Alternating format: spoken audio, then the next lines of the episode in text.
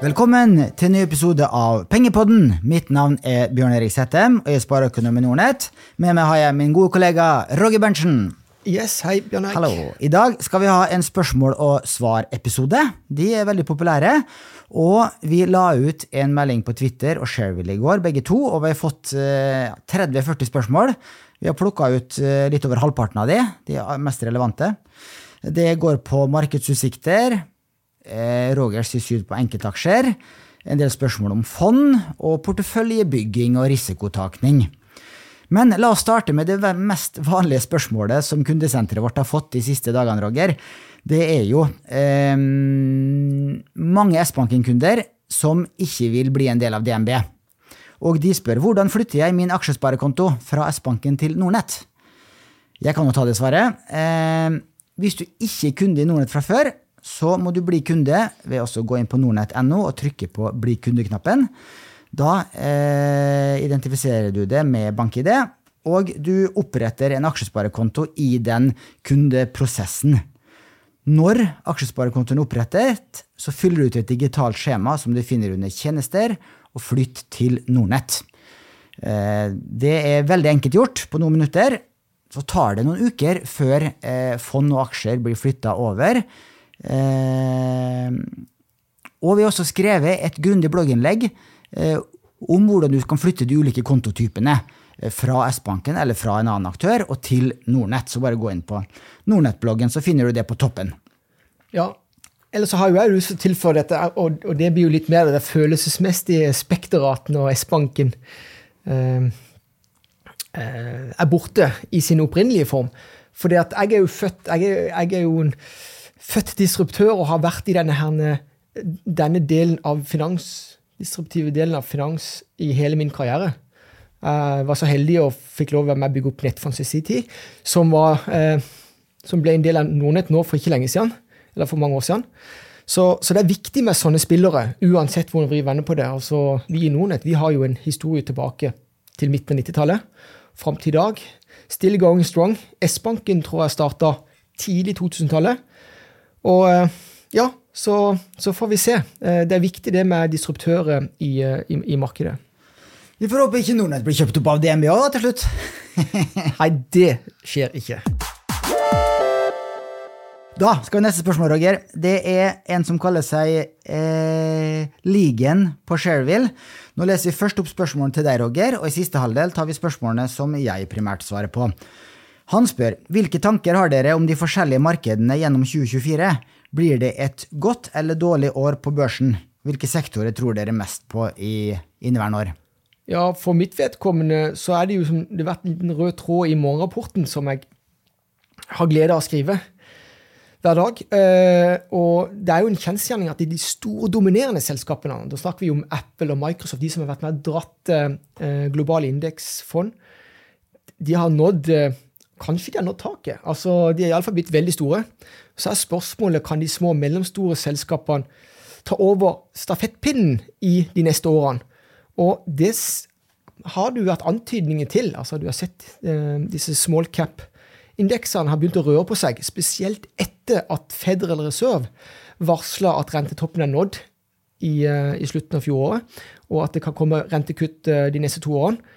Og det vil være, skape grobunn for de mindre selskapene, eh, hvor egentlig den største innovasjonskraften ligger. De ligger i små og mellomstore bedrifter. Så jeg tror og håper at det er de små og mellomstore selskapene som tar over litt av, av eh, altså dominansen i aksjemarkedet. Og det, i så fall så vil det bli bredere eh, oppgang going forward. Og hvis du skal gi et anslag på totalavkastninga på Oslo Børs og eh, det amerikanske markedet. Hva vil du eh, Jeg og Mats hadde jo denne episoden her i romjula, og da eh, ga jeg et sånn fingeren i lufta-estimat på Oslo Børs pluss 15% inneværende år, og amerikanske børsen pluss 5-10 Så jeg var eh, forsiktig optimist. Ja, det er klart at For, for mitt vedkommende, altså, dette er jo litt matematikk. Um, og hvis du ser på historien, så har jo f.eks. SMP 500, som egentlig er en proxy på, uh, på verdiskapninga på børsen i verden, den har vel gitt uh, nesten 10 i snitt. Uh, min store helt Buffett han har gitt 20% i den perioden tilbake til 1950-60-tallet.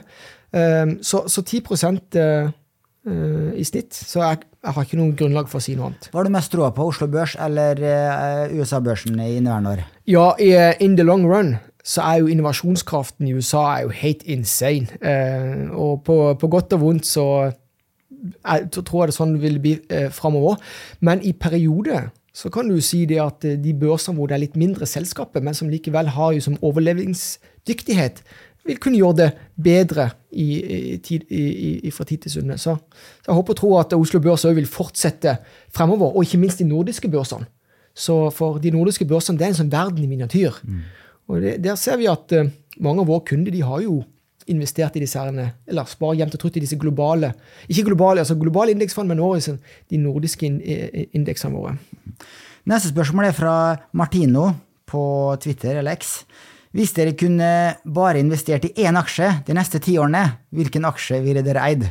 Roger, der er vel svaret gitt for deg. Det, det kan du, du, kan jo nesten svare for meg, men det er selvfølgelig altså eh, Vi skal ikke snakke om diverfisering, men enkelte selskaper er diverfisert, så du kan ha nesten altså, uh, alle eggene i, uh, i, en kurv, altså Berkshire Hathaway, som da kan kjøpes. A-aksjen kan de færreste kjøpe, men B-aksjen kan alle kjøpe. Den, jo, den, er jo tilgjengelig på, på USA-børsen og gjennom Nordnett-appen. Mm. For mitt vedkommende, jeg, jeg, jeg syns det er så vanskelig å svare på det spørsmålet, så jeg, jeg vil jo da eh, svare globalt indeksfond, eh, som da investerer i 1500 største selskapene i verden. Eh, da får du med deg både vinneren og taperne, og du er sikker på å få markedsavkastning de ti neste årene. Absolutt, så det er jo egentlig no-brainer jeg vil si, for 90% av seere, lyttere og, og investorer. Mm. Neste er ifra uh, HS Flatang på Shareville. Eh, hva er deres tanker rundt risikoen for eh, en korreksjon i AI-dominerte selskaper? Har vi en AI-boble? Ja, eh, og det er klart at mine porteføljer som ligger ute på Skjevil, der har jeg jo en sterkt dominert av spillere som har steget masse på børs pga. AI. Satsinger på AI. Du har jo Nvidia, ikke minst, som, som muliggjør for andre å utnytte kunstig intelligens i sine produkter og tjenester, og så til syvende og sist kanskje gjøre de litt bedre, økt kvalitet. Men eh, til syvende og sist så må jo, så må jo eh, investeringer må svare seg. Sånn at eh, Det ene er at det må være en produktivitetsvekst gjennom hele kjeden. Og så eh, må jo da kunden, slutt, kunden, til slutt finansiere det. Eh, vel vitende om at alle klarer å opprettholde sin margin. Så det er jo det store spørsmålet. Har det gått for fort? Eh, har gått for fort eh, i de siste året eller ikke. Så, så, det må leveres. Så forventningene er skyhøye. Så, men med en boble, så husk på det at de fleste tro, tenker at boble er, eh, er liksom, Det er døden, men det er det jo ikke. Eh, det er jo sånn si, samfunnet utvikles. Altså, du kommer ny teknologi, og så er ofte dilemmaet det at hvis infrastrukturen er ikke til stede for at denne skal kunne komme ut til eh, konsumenten, så, så sprekker det. Sånn, det skjedde jo under IT-bobla på slutten av 90-tallet. Altså, Internett var vel og bra, eh, og det er jo det som har stått for verdiskapinga i verden de siste årene. Men infrastrukturen var ikke der. Folk hadde ikke internett. sant? Men nå har de jo det. Eh, nå er det jo problemet med å produsere disse her chipene som muliggjør AI i stor skala. Så det, det må rampes opp i, i, mange ledd. Så jeg tror at uh, AI kommer til å vet du hva, ta verden til et, uh, til et til neste, neste, nytt nivå.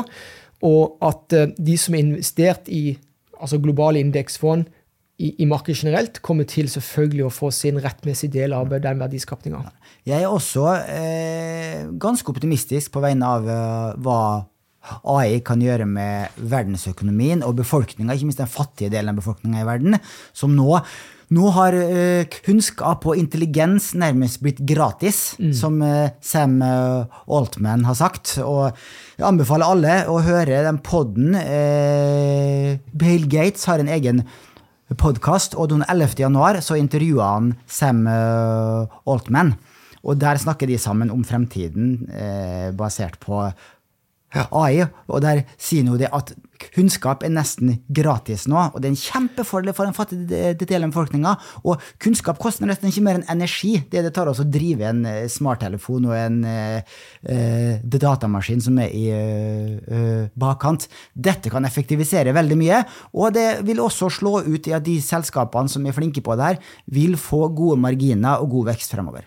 Ja, og en annen ting er det at eh, kunnskap og intelligens er demokratisert gjennom dette, for oss å bruke et, et kanskje litt mer fluffy ord. Eh, ja. Men jeg vil også si det at språkbarriere er brutt.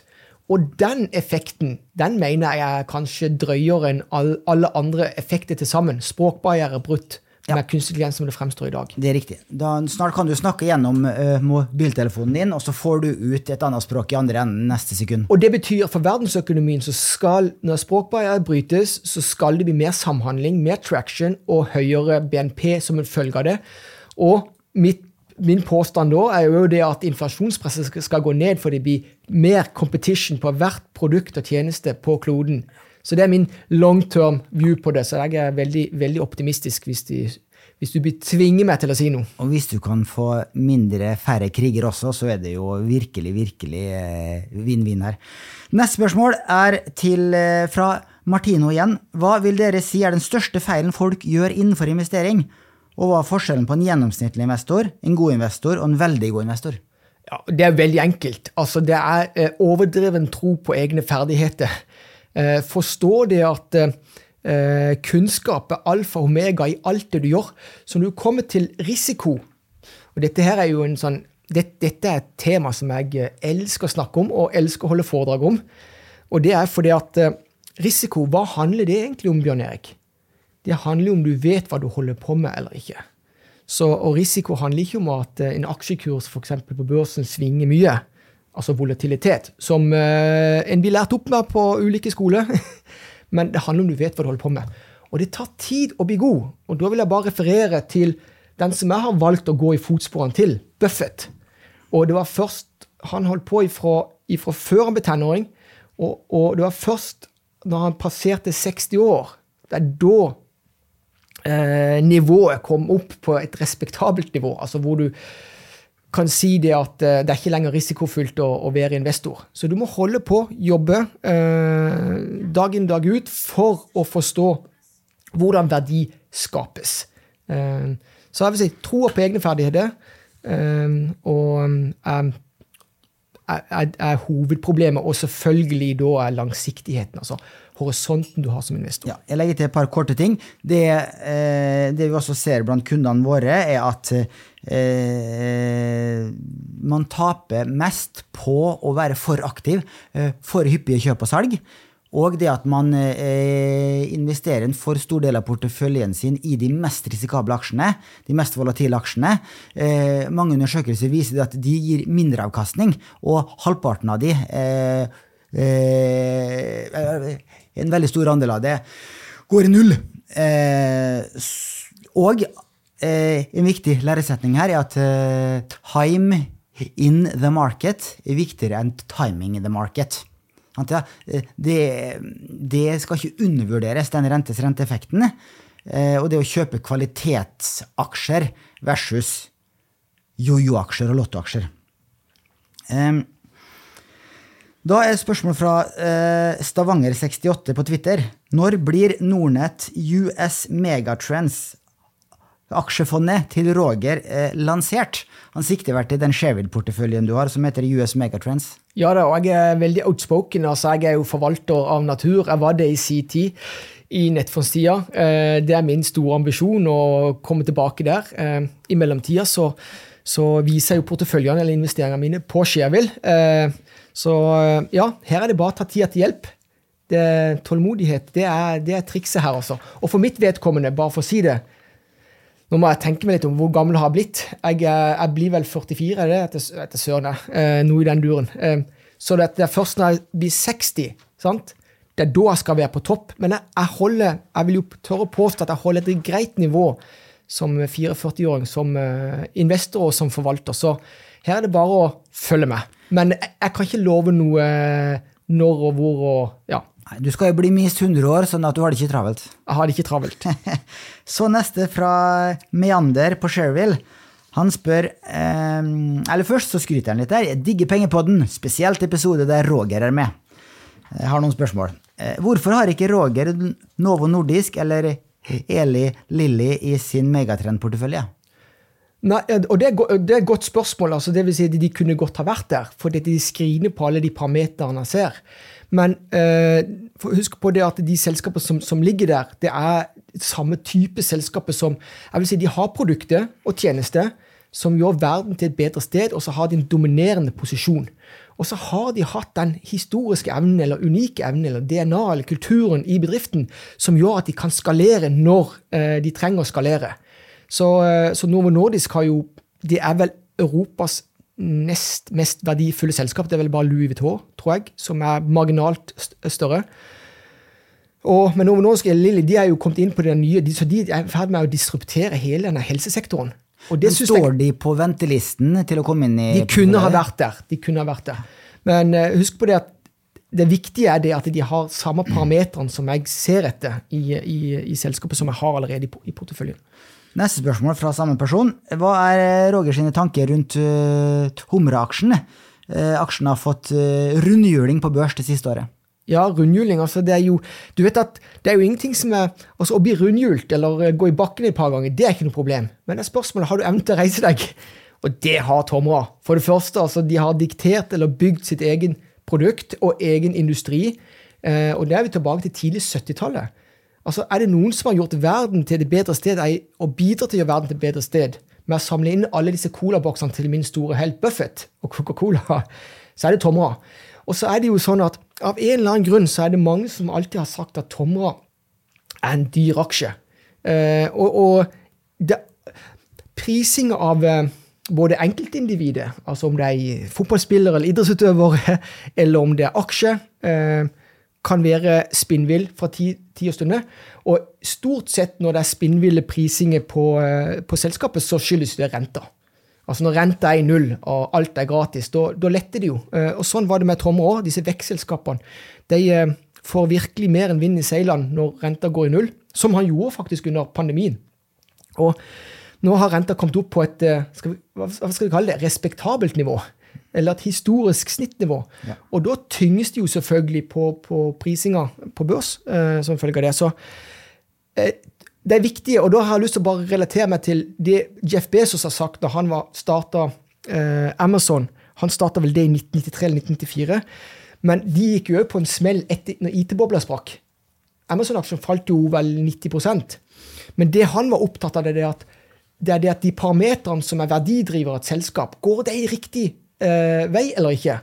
Så er det det du skal se på som en langsiktig investor. Jeg er en langsiktig investor, så Tomra eh, For mitt vedkommende så er Tomra bare billigere nå enn den var. Men det skyldes jo hovedsakelig fordi at renta har kommet opp. Så- Men sett så- retrospekt, så- så- Roger, så burde du solgt eh, da aksjekursen var på over det dobbelte enn i Ja, dag. Og det er ikke min stil filosofi. sant? Så det at jeg tenker opp før meg som en eier i alt jeg gjør. Uh, og, og derfor så blir jo da min, må, min portefølje blir jo deretter. Ja, Så men du solgte Equinor. Du solgte Equinor. Ja, så for Equinor har ikke, det er ikke en underliggende vekstimpuls i Equinor. Så dette er et helt annet case. Så Equinor er det, skal du være investor på Oslo Børs, så har du nødt til å ha en timing. Du er nødt til å tilpasse deg eh, hva skal jeg si, det markedet du har å forholde deg til. Men når du kommer på et med globalt mandat, så er det så enormt med vekstcase eh, og selskaper med, med tilsvarende eh, kvalitet i år. Eh, neste spørsmål er fra en som kaller seg uh, I am uh, Berntsen junior på Twitter. Det syns jeg var morsomt. Ja, Det, det syns jeg er stas. Ja, det er stas, Ja.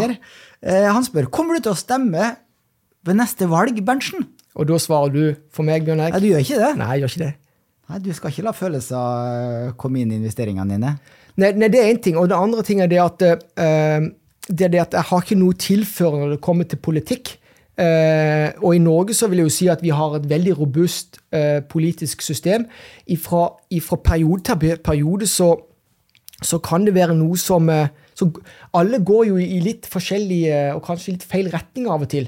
Men i det lange løp så tror jeg at, at, at pendelen går i riktig retning i Norge. Samme person spør, du har tidligere nevnt at du har noen søkeord du bruker for å finne ønskelig informasjon i årsrapporter og kvartalsrapporter. Kan du gi eksempler på disse søkeordene? Ja, jeg er jo hobbyprogrammerer. eh, I, I tillegg så har jeg jo vært veldig opptatt av det å Når jeg leser årsrapporter, så er det det å få inn tekst fra årsrapporter, om det kommer fra styret, eller om det kommer fra CEO, eller kommer fra risikoaspektet i en årsrapport, så har, har jeg programmert sånn at jeg kan hele tiden se har det kommet noen nye ord fra år til år eller fra periode til periode. Og det, som er, det positive nå pga. AI, eh, bare med ChatGPT Nå kan alle gjøre det. Du trenger ikke å programmere det engang. Du kan bare putte inn tekst, systematisere, putte inn tekst, og så kan du spørre eh, akkurat det du ønsker å, å få ut av det. Så jeg er opptatt av nyanse. Så hvis f.eks. det kommer inn nye risikoord eh, i et selskap fra et år til et annet, så er det noe du må eh, legge merke til. Og i tillegg til det at du kan ta ut hvilke ord er det som blir brukt, og blir gjenbrukt, og, og, og forekommer oftest. Og så skal du også huske på det at gjennom sånn tekstanalyse så kan du finne ut om er dette skrevet av et byrå, eller er det skrevet helt oppriktig av den enkelte CEO eller styreleder. Så det er sånne ting som jeg, som jeg mener at alle burde gjøre mer av nå. For nå, nå trenger du ikke bruke tid på å programmere, nå kan du bare putte inn teksten. Så for eksempel, du eh, eh, limer inn den kommentaren fra CEO, og så kommentaren fra forrige kvartal eller fra forrige årsrapport, og så eh, ber du ChatGPT sammenligne eh, tekstene og påpeke eh, avvik. Ja, sånn at, og jeg har jo bombardert med ulike prompts nå bare det siste. Er det, er det litt over ha- halvannet år ChatGPT har vært tilgjengelig. Så det er jo, det er jo prompt engineering. altså Hvilke spørsmål skal du stille til ChatGPT for å få det svaret du ønsker? Eh, og det er der du må eksperimentere. Så prompt engineering er jo egentlig det, det nye, store. Du burde jo skrevet et eh, blogginnlegg om det her, Roger, hvor du legger ut dine favorittprompts. Ja da, så dette har jo blitt, jeg har jo fått eh, For eksempel morgenrapporten nå, så har jeg jo fått et, Det er jo helt andre prompts jeg bruker nå for å optimalisere den råteksten som jeg allerede har skrevet, som gjør at jeg kan treffe mer. eh, Så jeg- det er fascinerende. så Det anbefaler alle å, å eksperimentere med. Siste spørsmål fra din helt, eh, I.M. Berntsen jr. Eh, Hvorfor har verken Berntsen eller Warren Buffett Louis Vuitton i porteføljen? Selskapet scorer høyt på kriterier som mot, sterk balanse og kontantstrøm, historikk. Eh, Hva er svaret? Ja, det er litt av det samme som det foregående spørsmålet med Eli Lilly og Novo Nordisk. Så, eh, så definitivt eh, det, Dette er selskapet som eh, er ekstremt bra, men de er ikke noe De har de samme faktorene i seg. Så de kunne godt vært med i porteføljen. Det du skal huske på, er at vi lever jo i en dyrtid. Og dette er jo det er noen selskaper som, som tynges skikkelig hvis det, det blir resesjon. Ikke vel? det, det er jo fordelen til sånn som Eli Lilly og Novo Nordisk. De er defensive. Altså, produktet er livsviktig. Det er ikke Louis Vuitton-veskene. Jeg vil ikke, ikke spørre noen av de jentene på marketing her, så jeg tror kanskje de vil ofre ganske mye for den Louis Vuitton-veska si, Ja. eller Og, Chanel. og vi har jo, eh, vi har jo flyttet inn i nye lokaler. Vi, vi er jo i over Louis Vuitton, er vi ikke det, på Karl Johan? Men, men, men eh, Så jeg vil jo si at ja, kanskje det er noe som eh, kanskje det er, Jeg vet ikke, nå skal jeg være litt forsiktig med hva jeg sier, da, men ja, vi har ikke noen et skilt utenfor. Det har vi ikke. Nei. sant. Eh, så et spørsmål fra eh, Siddiq eh, Daniel.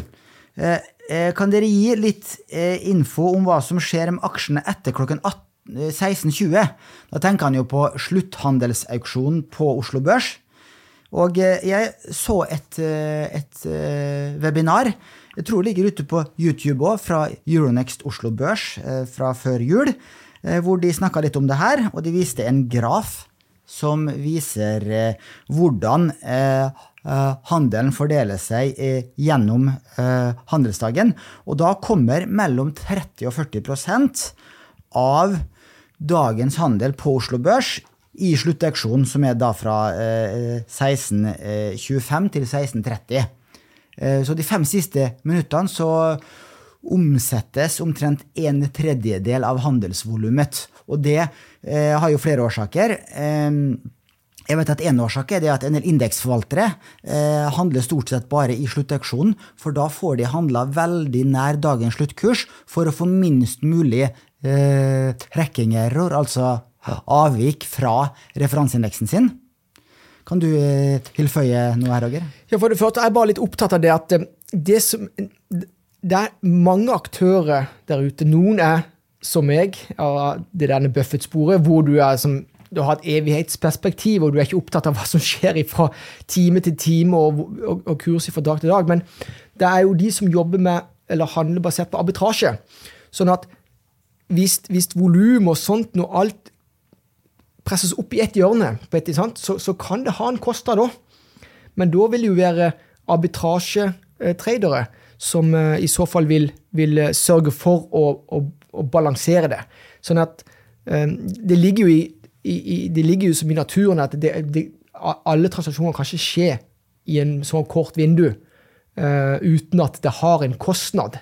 Så jeg vil jo si det at det er nok eh, For til syvende og sist skal du huske på det at verdiene kan Du kan regne på hva et selskap er verdt. Uh, og hvis det, det, blir for mye hopp og sprett som en følge av at det er stor volum på et kort intervall så, uh, Men ja, det er en, en, en kjensgjerning at sånn har det blitt. jeg tror det optimale for systemet generelt hadde vært at det hadde vært mer jevn handel uh, gjennom dagen. Men kanskje jeg vet ikke, kanskje nøkkelen hadde vært om at det hadde vært døgnåpent. Jeg vet ikke. Uh, nå, nå, det blir jo litt mer filosofisk igjen. Mm.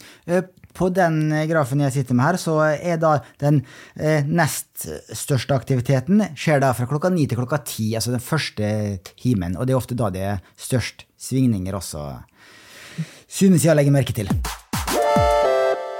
Da skal vi over til fond, eh, fondsspørsmål her. Eh, Roger, du kan jo lese opp de. Ja, Da er det naturlig at jeg eh, leser de, for det er jo du som basically har svar på de. Og da har vi fått ifra uh, Håvard uh, vers 1. Jeg er dårlig på å lese. Han sier det. Jeg har det vanskelig med å argumentere for meg selv at jeg skal ut av Heimdal høyrente til fordel for noen et indeks 125 før markedet får seg en solid reprising. Altså, og Da spør, spør, han synes dere jeg er for konservativ. Bevis meg gjerne feil, for, for det er mye mer givende å sitte på eiersiden. Takk. Ja, Nei, Det er jo et godt spørsmål, det. og vi, Hvis vi generaliserer det litt mer, da, ikke spesifikt de to fondene her, men skal jeg sitte med et high yield-fond nå fremover, som gir en eh, effektiv rente på en 8-10% det neste året, hvis eh, man får normale markeder? Eller skal jeg sitte med et, et aksjefond, et globalt indeksfond, eventuelt eh, dette nye eh, Geira globale indeksfondet til Nordnett? Eh, og det er ikke noe fasitsvar her, selvfølgelig. Hvis aksjemarkedet kommer til å gå oppover eh, fremover også, så vil du nok få best avkastning i et globalt indeksfond. For på lang sikt så skal jo et, eh, skal et aksjefond gi noe høyere avkastning enn et gjennomsnittlig high yield-fond, fordi at det har litt høyere risiko. Det eh, stiger litt mer når det går opp, det faller litt mer når det går ned. Eh, hvis du får skikkelig ruskevær og du får en kraftig korreksjon, Eh, så vil begge disse to fondskategoriene falle. Da får du også et verdifall i et high yield-fond. For da er det større sannsynlighet for tap på de lånene som fondet har gitt til disse selskapene, som da har en relativt høy risiko. Det er en del default-sannsynlighet blant, eh, blant, de selskapene. Så du får ikke noen absolutt svar fra meg her, men kanskje en kombinasjon, en miks, vil være greit? Ja, og jeg har lyst til å tilføye det. for det at, eh, og, eh, jeg, jeg, fikk ikke direkte sjokk, men jeg ble litt overraska for det siste intervjuet Charlie Munger ga til CNBC bare noen måneder før han døde. Så reflekterte han dette med at i Berkshire-systemet så har de jo kjørt uten giring. Så sa han det at eh, men vi, han sa at vi, vi, kunne lett ha hatt høyere giring uten at det hadde gått utover. Men, men, de bestemte seg tidlig for det at de sa det at hadde det vært de sine penger ene alene, så hadde de gjort det, sa han. Men gitt at de, de forvalta det for andre sine, så hadde de styrt unna. Eh, men det var litt sånn fascinerende at Charlie Munger ga uttrykk for det at de kunne Hadde det vært opp til Buffett og han, så kunne de ha kjørt litt giring på uh, sine investeringer. Uh, og det hadde jo fått selvfølgelig rentes renteeffekten for, for de sine investeringer, så hadde jo blitt helt insane. Men, uh, men noen ganger, det er viktig å være balansert i, i, i svaret her. Mm. Så neste spørsmål er fra Marius investerer. Dette er jo på Twitter. Marius M87. Han sier 100% aksje til man dør. Dette her er jo relatert til deg. Det er jo et uttrykk som jeg forbinder med deg, Bjørn Erik. Mm. Så 100% aksje til man dør, eller bør man mikse inn andre aktiva i porteføljen? Altså, langs, Han har langsiktig utgangspunkt og er ung eh, når man investerer. Ja, altså, jeg mener at flere bør ha den uh, strategien min med 100% aksjer til du dør. Uh, fordi at mesteparten av uh, pensjonsutbetalingene til Ola Kari Nordmann kommer fra folketrygden, og den er jo garantert å reguleres med lønnsveksten hvert år. Men det er ikke alle som er komfortable med det.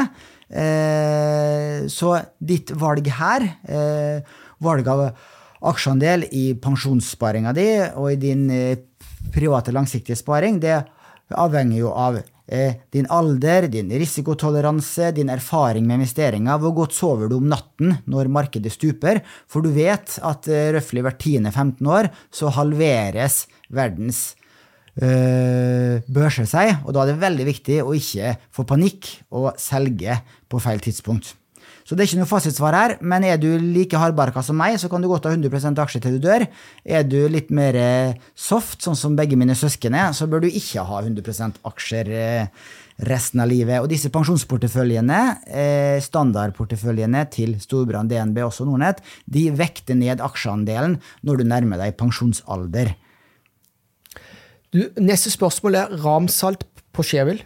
Uh, hvorfor koster fondet Nordnett Norge og de andre nordiske indeksfondene fra Nordnett 0% i årlig avgift for svenske kunder, når det for norske kunder koster 0,19 for de som husker litt tilbake, så var jo disse nordiske indeksfondene gratis for norske kunder også.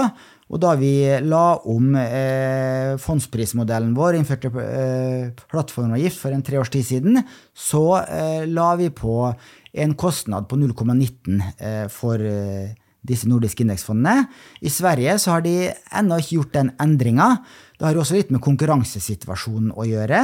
Eh, det er da gratis nordisk indeksfond for Nordnetts kunder i Sverige og i Finland, kan jeg legge til. I Norge og i Danmark så tar vi betalt for det. Så det er litt avhengig av fra land til land. Ja, Da har jeg lyst til å skyte inn for en som tenker oppførsel som jeg gjør. Eh, og det er jo til syvende og sist ethvert et produkt altså Vi er jo disruptører. Så du skal jo prøve å gjøre eh, Skape vinn-vinn-relasjoner. Du skal prøve å eh, gjøre eh, ting billigere og mer effektivt enn det det var. Eh, men til syvende og sist må du være en økonomi i det hele. Så her er det litt viktig at eh, skal ting være sustainable, så skal du være disruptiv på pris og selvfølgelig på innovasjon men, men, du er nødt til å være sustainable. Det må være liv laga. For, uh, for tid og stunder så er det dårlig inntjening, og da må du ha, ha, ha noe i bånn på produktet. Så jeg har ikke noe jeg er ikke kjent med at det er noen som kan leve på, uh, på gratisprodukter. Uh, eh, verken i den ene bransjen eller den andre bransjen. Nei, for da, det vi tenkte da våre nordiske innholdsformer var gratis, var at det var en del av markedsførings budsjettet vårt for å tiltrekke oss nye kunder. Og så håpte vi at en stor andel av disse kundene også kjøpte eh, produkter vi tjente penger på. Mm. Så en form for eh, kryssubsidiering, og det er vel strengt tatt ikke lov i alle bransjer? Ja, og i vårt, vårt liksom DNA, det er jo som åpenhet, transparens og sånt, så det er jo viktig at vi, vi, vi snakker om det. Mm.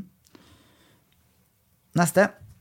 Neste, og det er fra Hospitality-studenten, eh, og dette er vi fra Twitter. Eh, Får man rente på skjermingsfradrag? Ja, du gjør egentlig det, altså. Eh, altså eh, det vil si at du får beregna eh, skjerming på det gamle skjermingsfradraget ditt, sånn at eh, det skjermingsfradraget vil bli litt større for hvert år.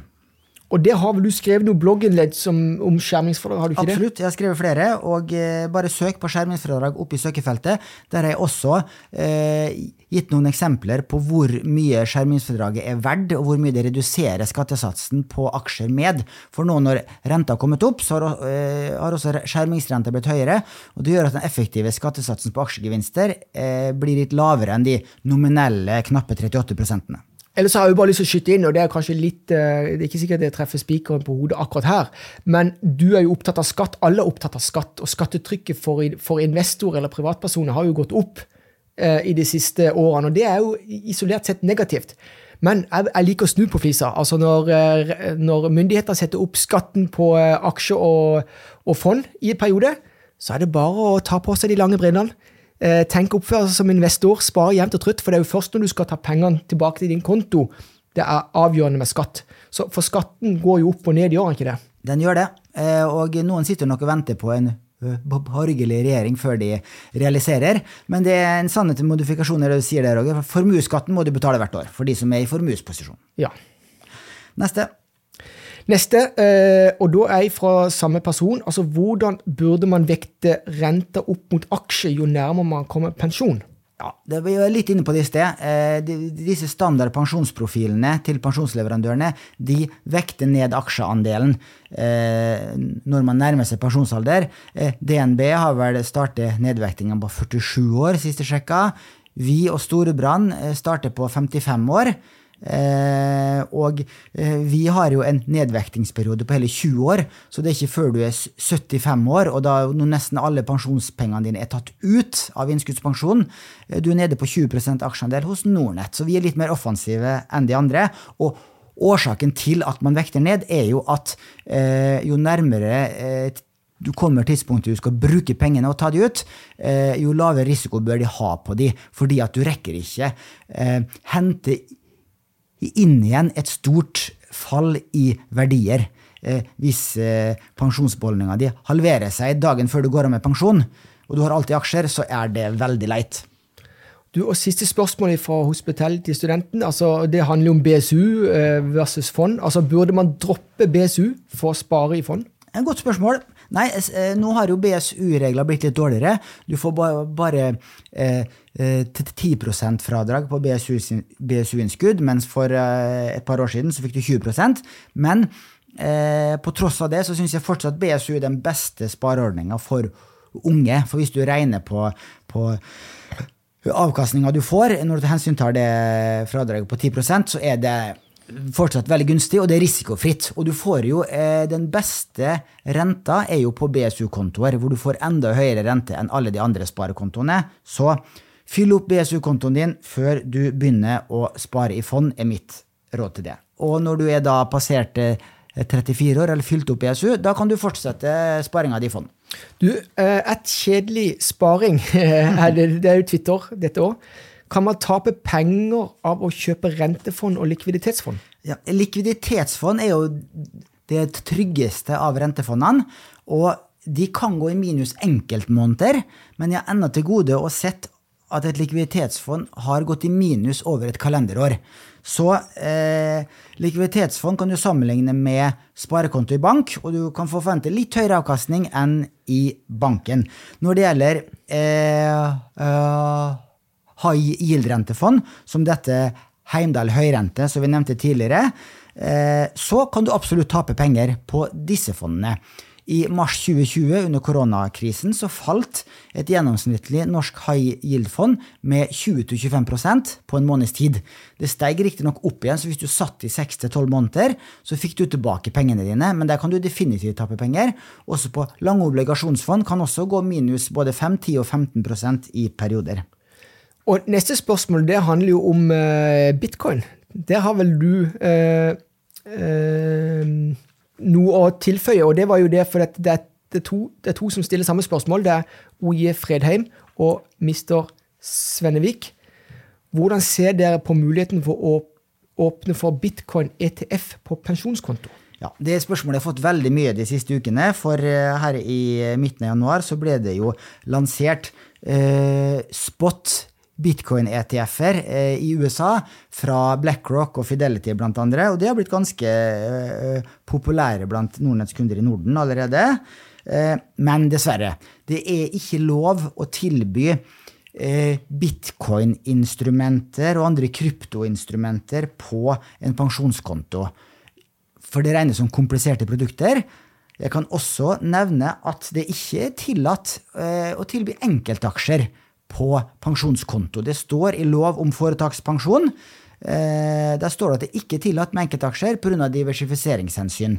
Så du kan heller ikke kjøpe aksjer i Novo Nordisk eller i eh, Tesla i jobbpensjonen din. Da må du gå over på eh, andre private kontotyper. Og så er det eh, frihets, Frihetsfondet på Twitter. Det er her òg bitcoin-relatert. De vil eh, Kommenter gjerne det faktum at bitcoin 5% altså 5, 5% bitcoin, 35% gull, 20% aksjer og 40% rente knuser verdensindeksen med henhold til avkastning siste tre, fem og ti år. Og beklager at jeg flirer litt, men, men ja. Eh, og jeg kan jo bare si det sånn generelt sett. Når du tar ulike punkter i, en, eh, i historien, så, så, kan du få de ønska resultatene som du vil. Men kan ikke du kommentere litt på det? Jo, det, det er et viktig poeng, Roger. fordi at det er veldig lett å sette sammen porteføljer eh, sett i retrospekt som har gitt bedre avkastning enn verdensindeksen. Hvis du hadde hatt en overvekt i eh, teknologi de siste eh, tre, fem og ti årene, så hadde du også slått verdensindeksen med god margin. Hadde du hatt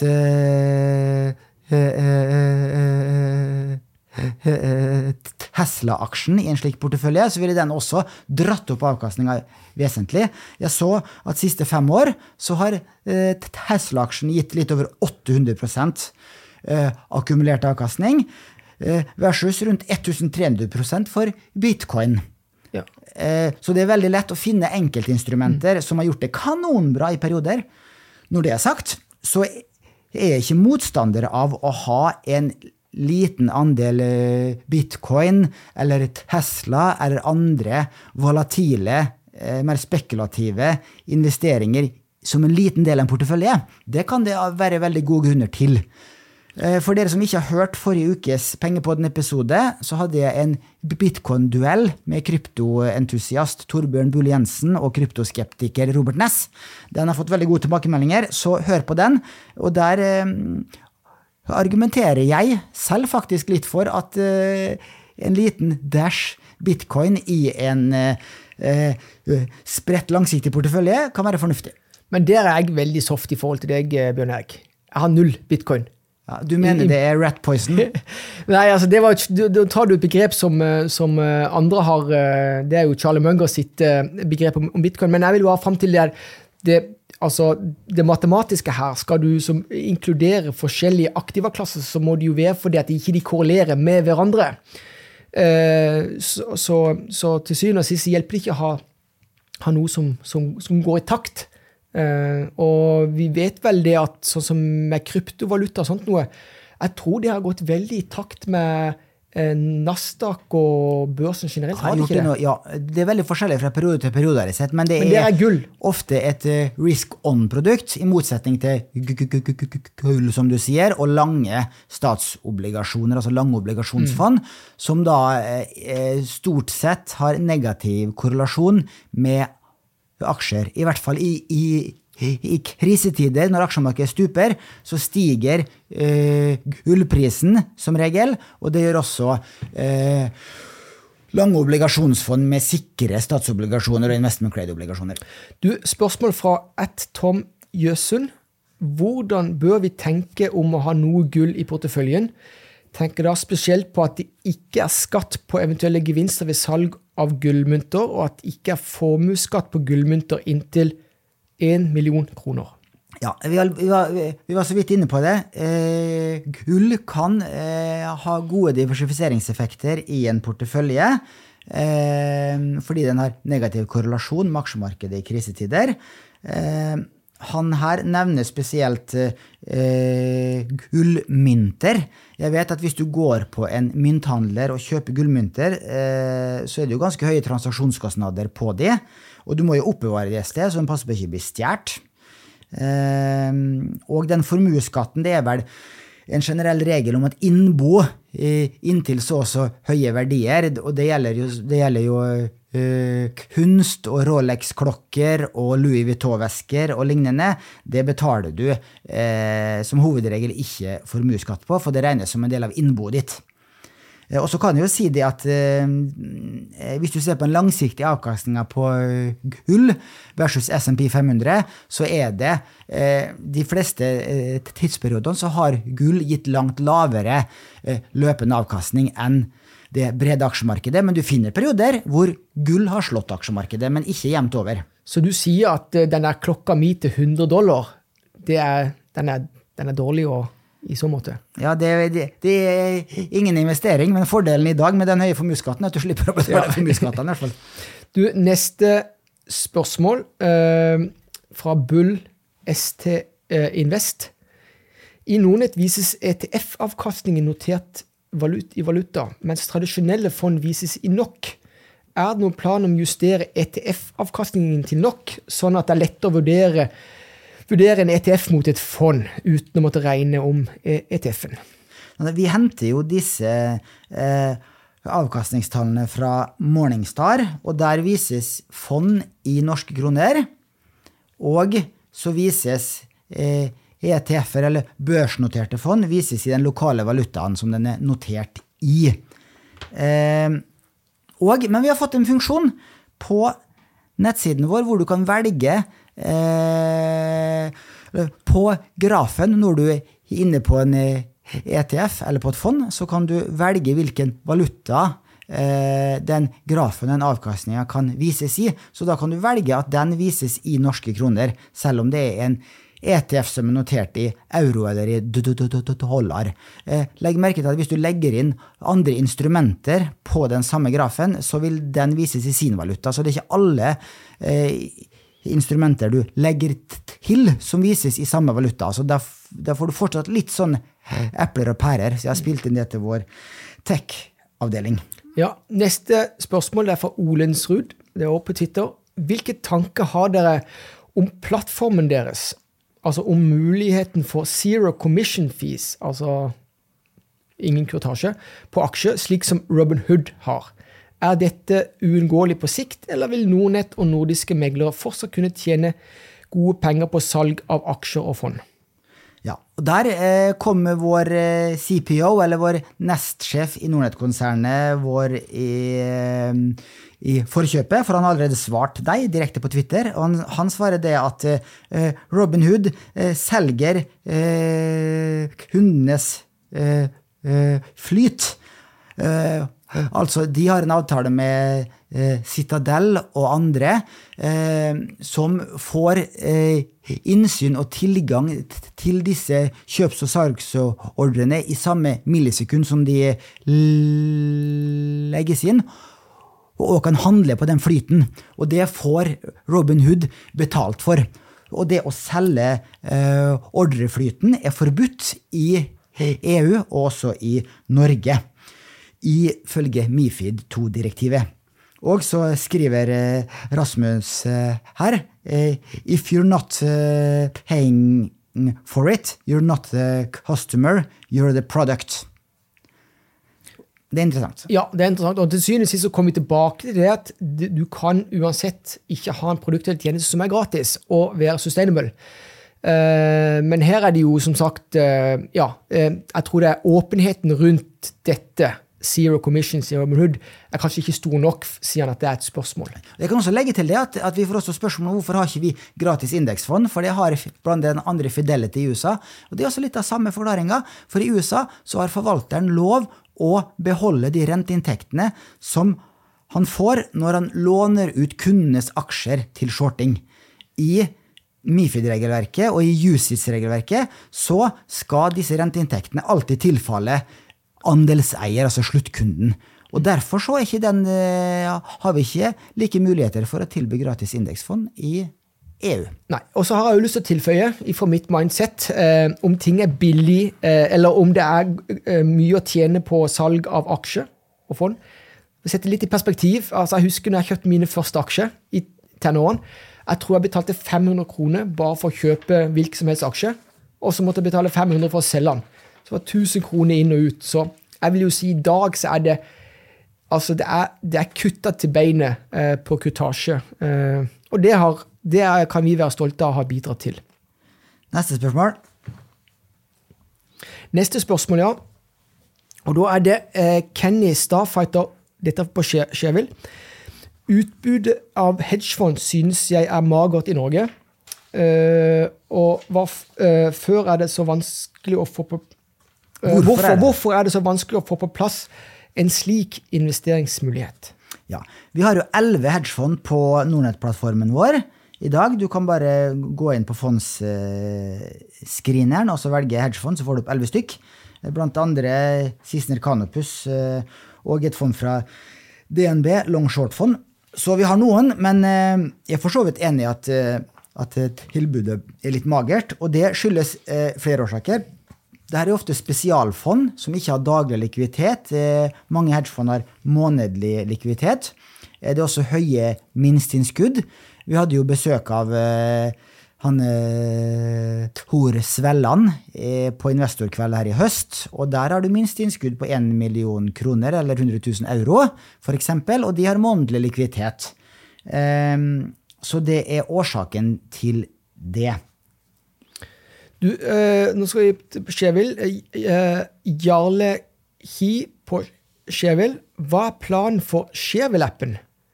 Eh, nå, virk, nå virker det som at diskusjonen om Skjevil blir med under forum på de respektive aksjene i Nordnett-appen, men tråder som blir opprettet under forum i Nordnett-appen, dukker ikke opp i appen. Er målet at Skjevil skal fases ut, og man skal kun bruke Nordnett-appen? Ja. Det, har, det er helt riktig. Målet er at uh, Shareville-appen skal uh, fases ut, og Shareville-plattformen på web også. Den vil bli stengt etter hvert. Og av effektivitetshensyn så har vi valgt å ikke uh, eh, vise de eh, kommentarene som gjøres rett på Nordnett-siden og i Nordnett-appen på Shareville.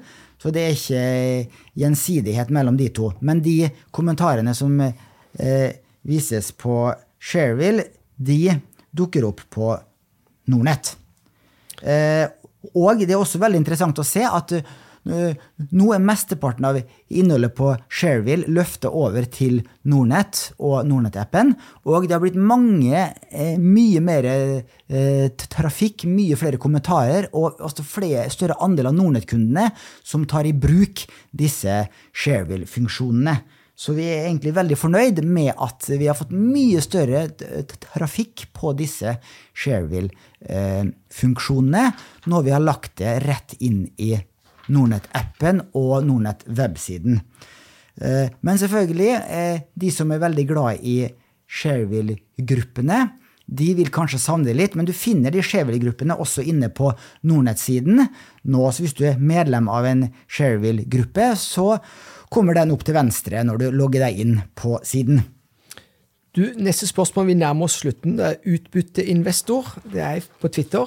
Hvorfor har ikke Bjørn Nordnett, altså det er jo Bjørn Erik, hvorfor har ikke du hele porteføljen i global indeks?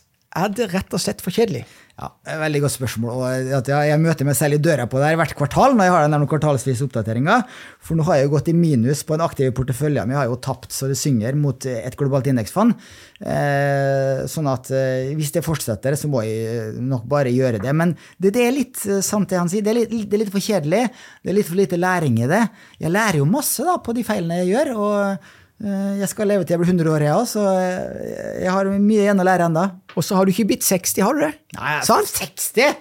Har jeg akkurat passert 50. Jo, men jeg husker vi er nødt til å trekke, eh, trekke linjen tilbake til starten av uh, podkasten, Bjørn Erik, hvor vi snakket om Buffett ble best når han ble 60. Ja. Så da tenker jeg etter 60, så må du ha funnet, funnet formelen. Da har jeg funnet formelen. Eh, og, da, og, og hvis jeg ikke får funnet formelen, så lover jeg, så lover jeg uh, mister Utbytteinvestor at det går i bare global indeks. Du, siste spørsmål pen, handler om pensjon. Det er Florida-mann.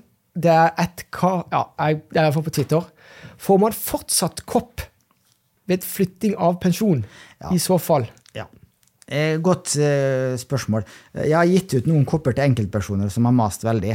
Eh, men jeg vet at eh, kundesenteret ikke er så glad for det, for det er så mye manuell administrasjon eh, med å sende ut kopper i posten og og, sånn. Men Florida-mann, du skal få en, en, kopp av meg hvis du, sender, hvis du sender dokumentasjon på flyttene til meg. Så skal jeg personlig pakke en kopp. Nå vet jeg at vi venter på ny forsyning av den Nordnett-koppen. Take a sip, by the dip, repeat. Sånn at uh, du skal få det, og dere andre også som, uh, som, sender til meg, så skal dere få en kopp når vi har fått det på lager. For eh, det kan jeg benytte muligheten som avsluttende kommentar til å reklamere litt, fordi vi har jo fått 18 000 av våre kunder har flytta pensjonskontoen sin til Nordnett.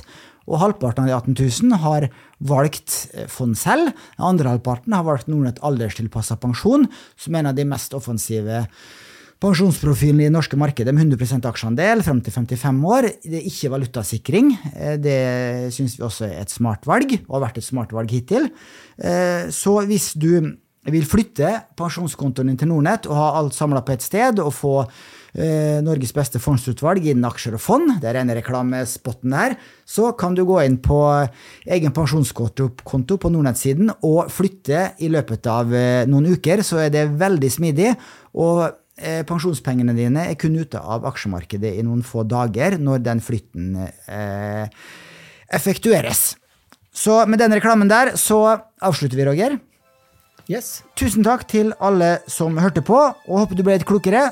Og vi høres igjen om en uke. Peter, penger.